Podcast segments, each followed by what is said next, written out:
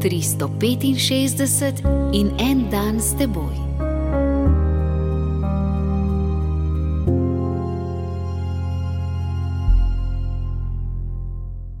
Iz Sirahove knjige, 36. poglavje, 22. vrstica. Ženina lepota razveseljuje moža, saj presega vso njegovo željo. Lepota ženske in moškega, ker ženska, čeprav je z lepoto obdarjena, predvsem ona, le nima izključne pravice do nje, je dar. In če je dar, postane obveznost in odgovornost.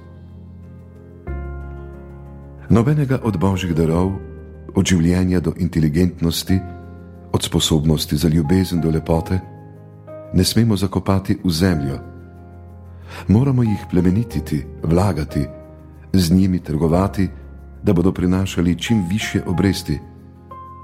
Tudi lepoto, zlasti žensko, je treba negovati in jo narediti koristno, ne samo za sebične namene.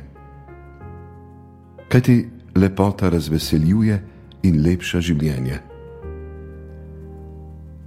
Kakšen bi bil naš dan, če bi od jutra do večera srečevali samo grde, zanemarjene, umazane ženske in moške, ne bi preživeli.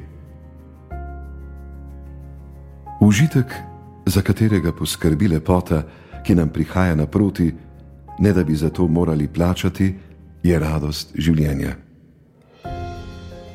Dolžnost vsake ženske in vsakega moškega je, da skrbite za to, da bodo drugi pred seboj zagledali nekaj lepega dolžnost vsake ženske in vsakega moškega je, da podarjata drugim žarek neskončne božje lepote.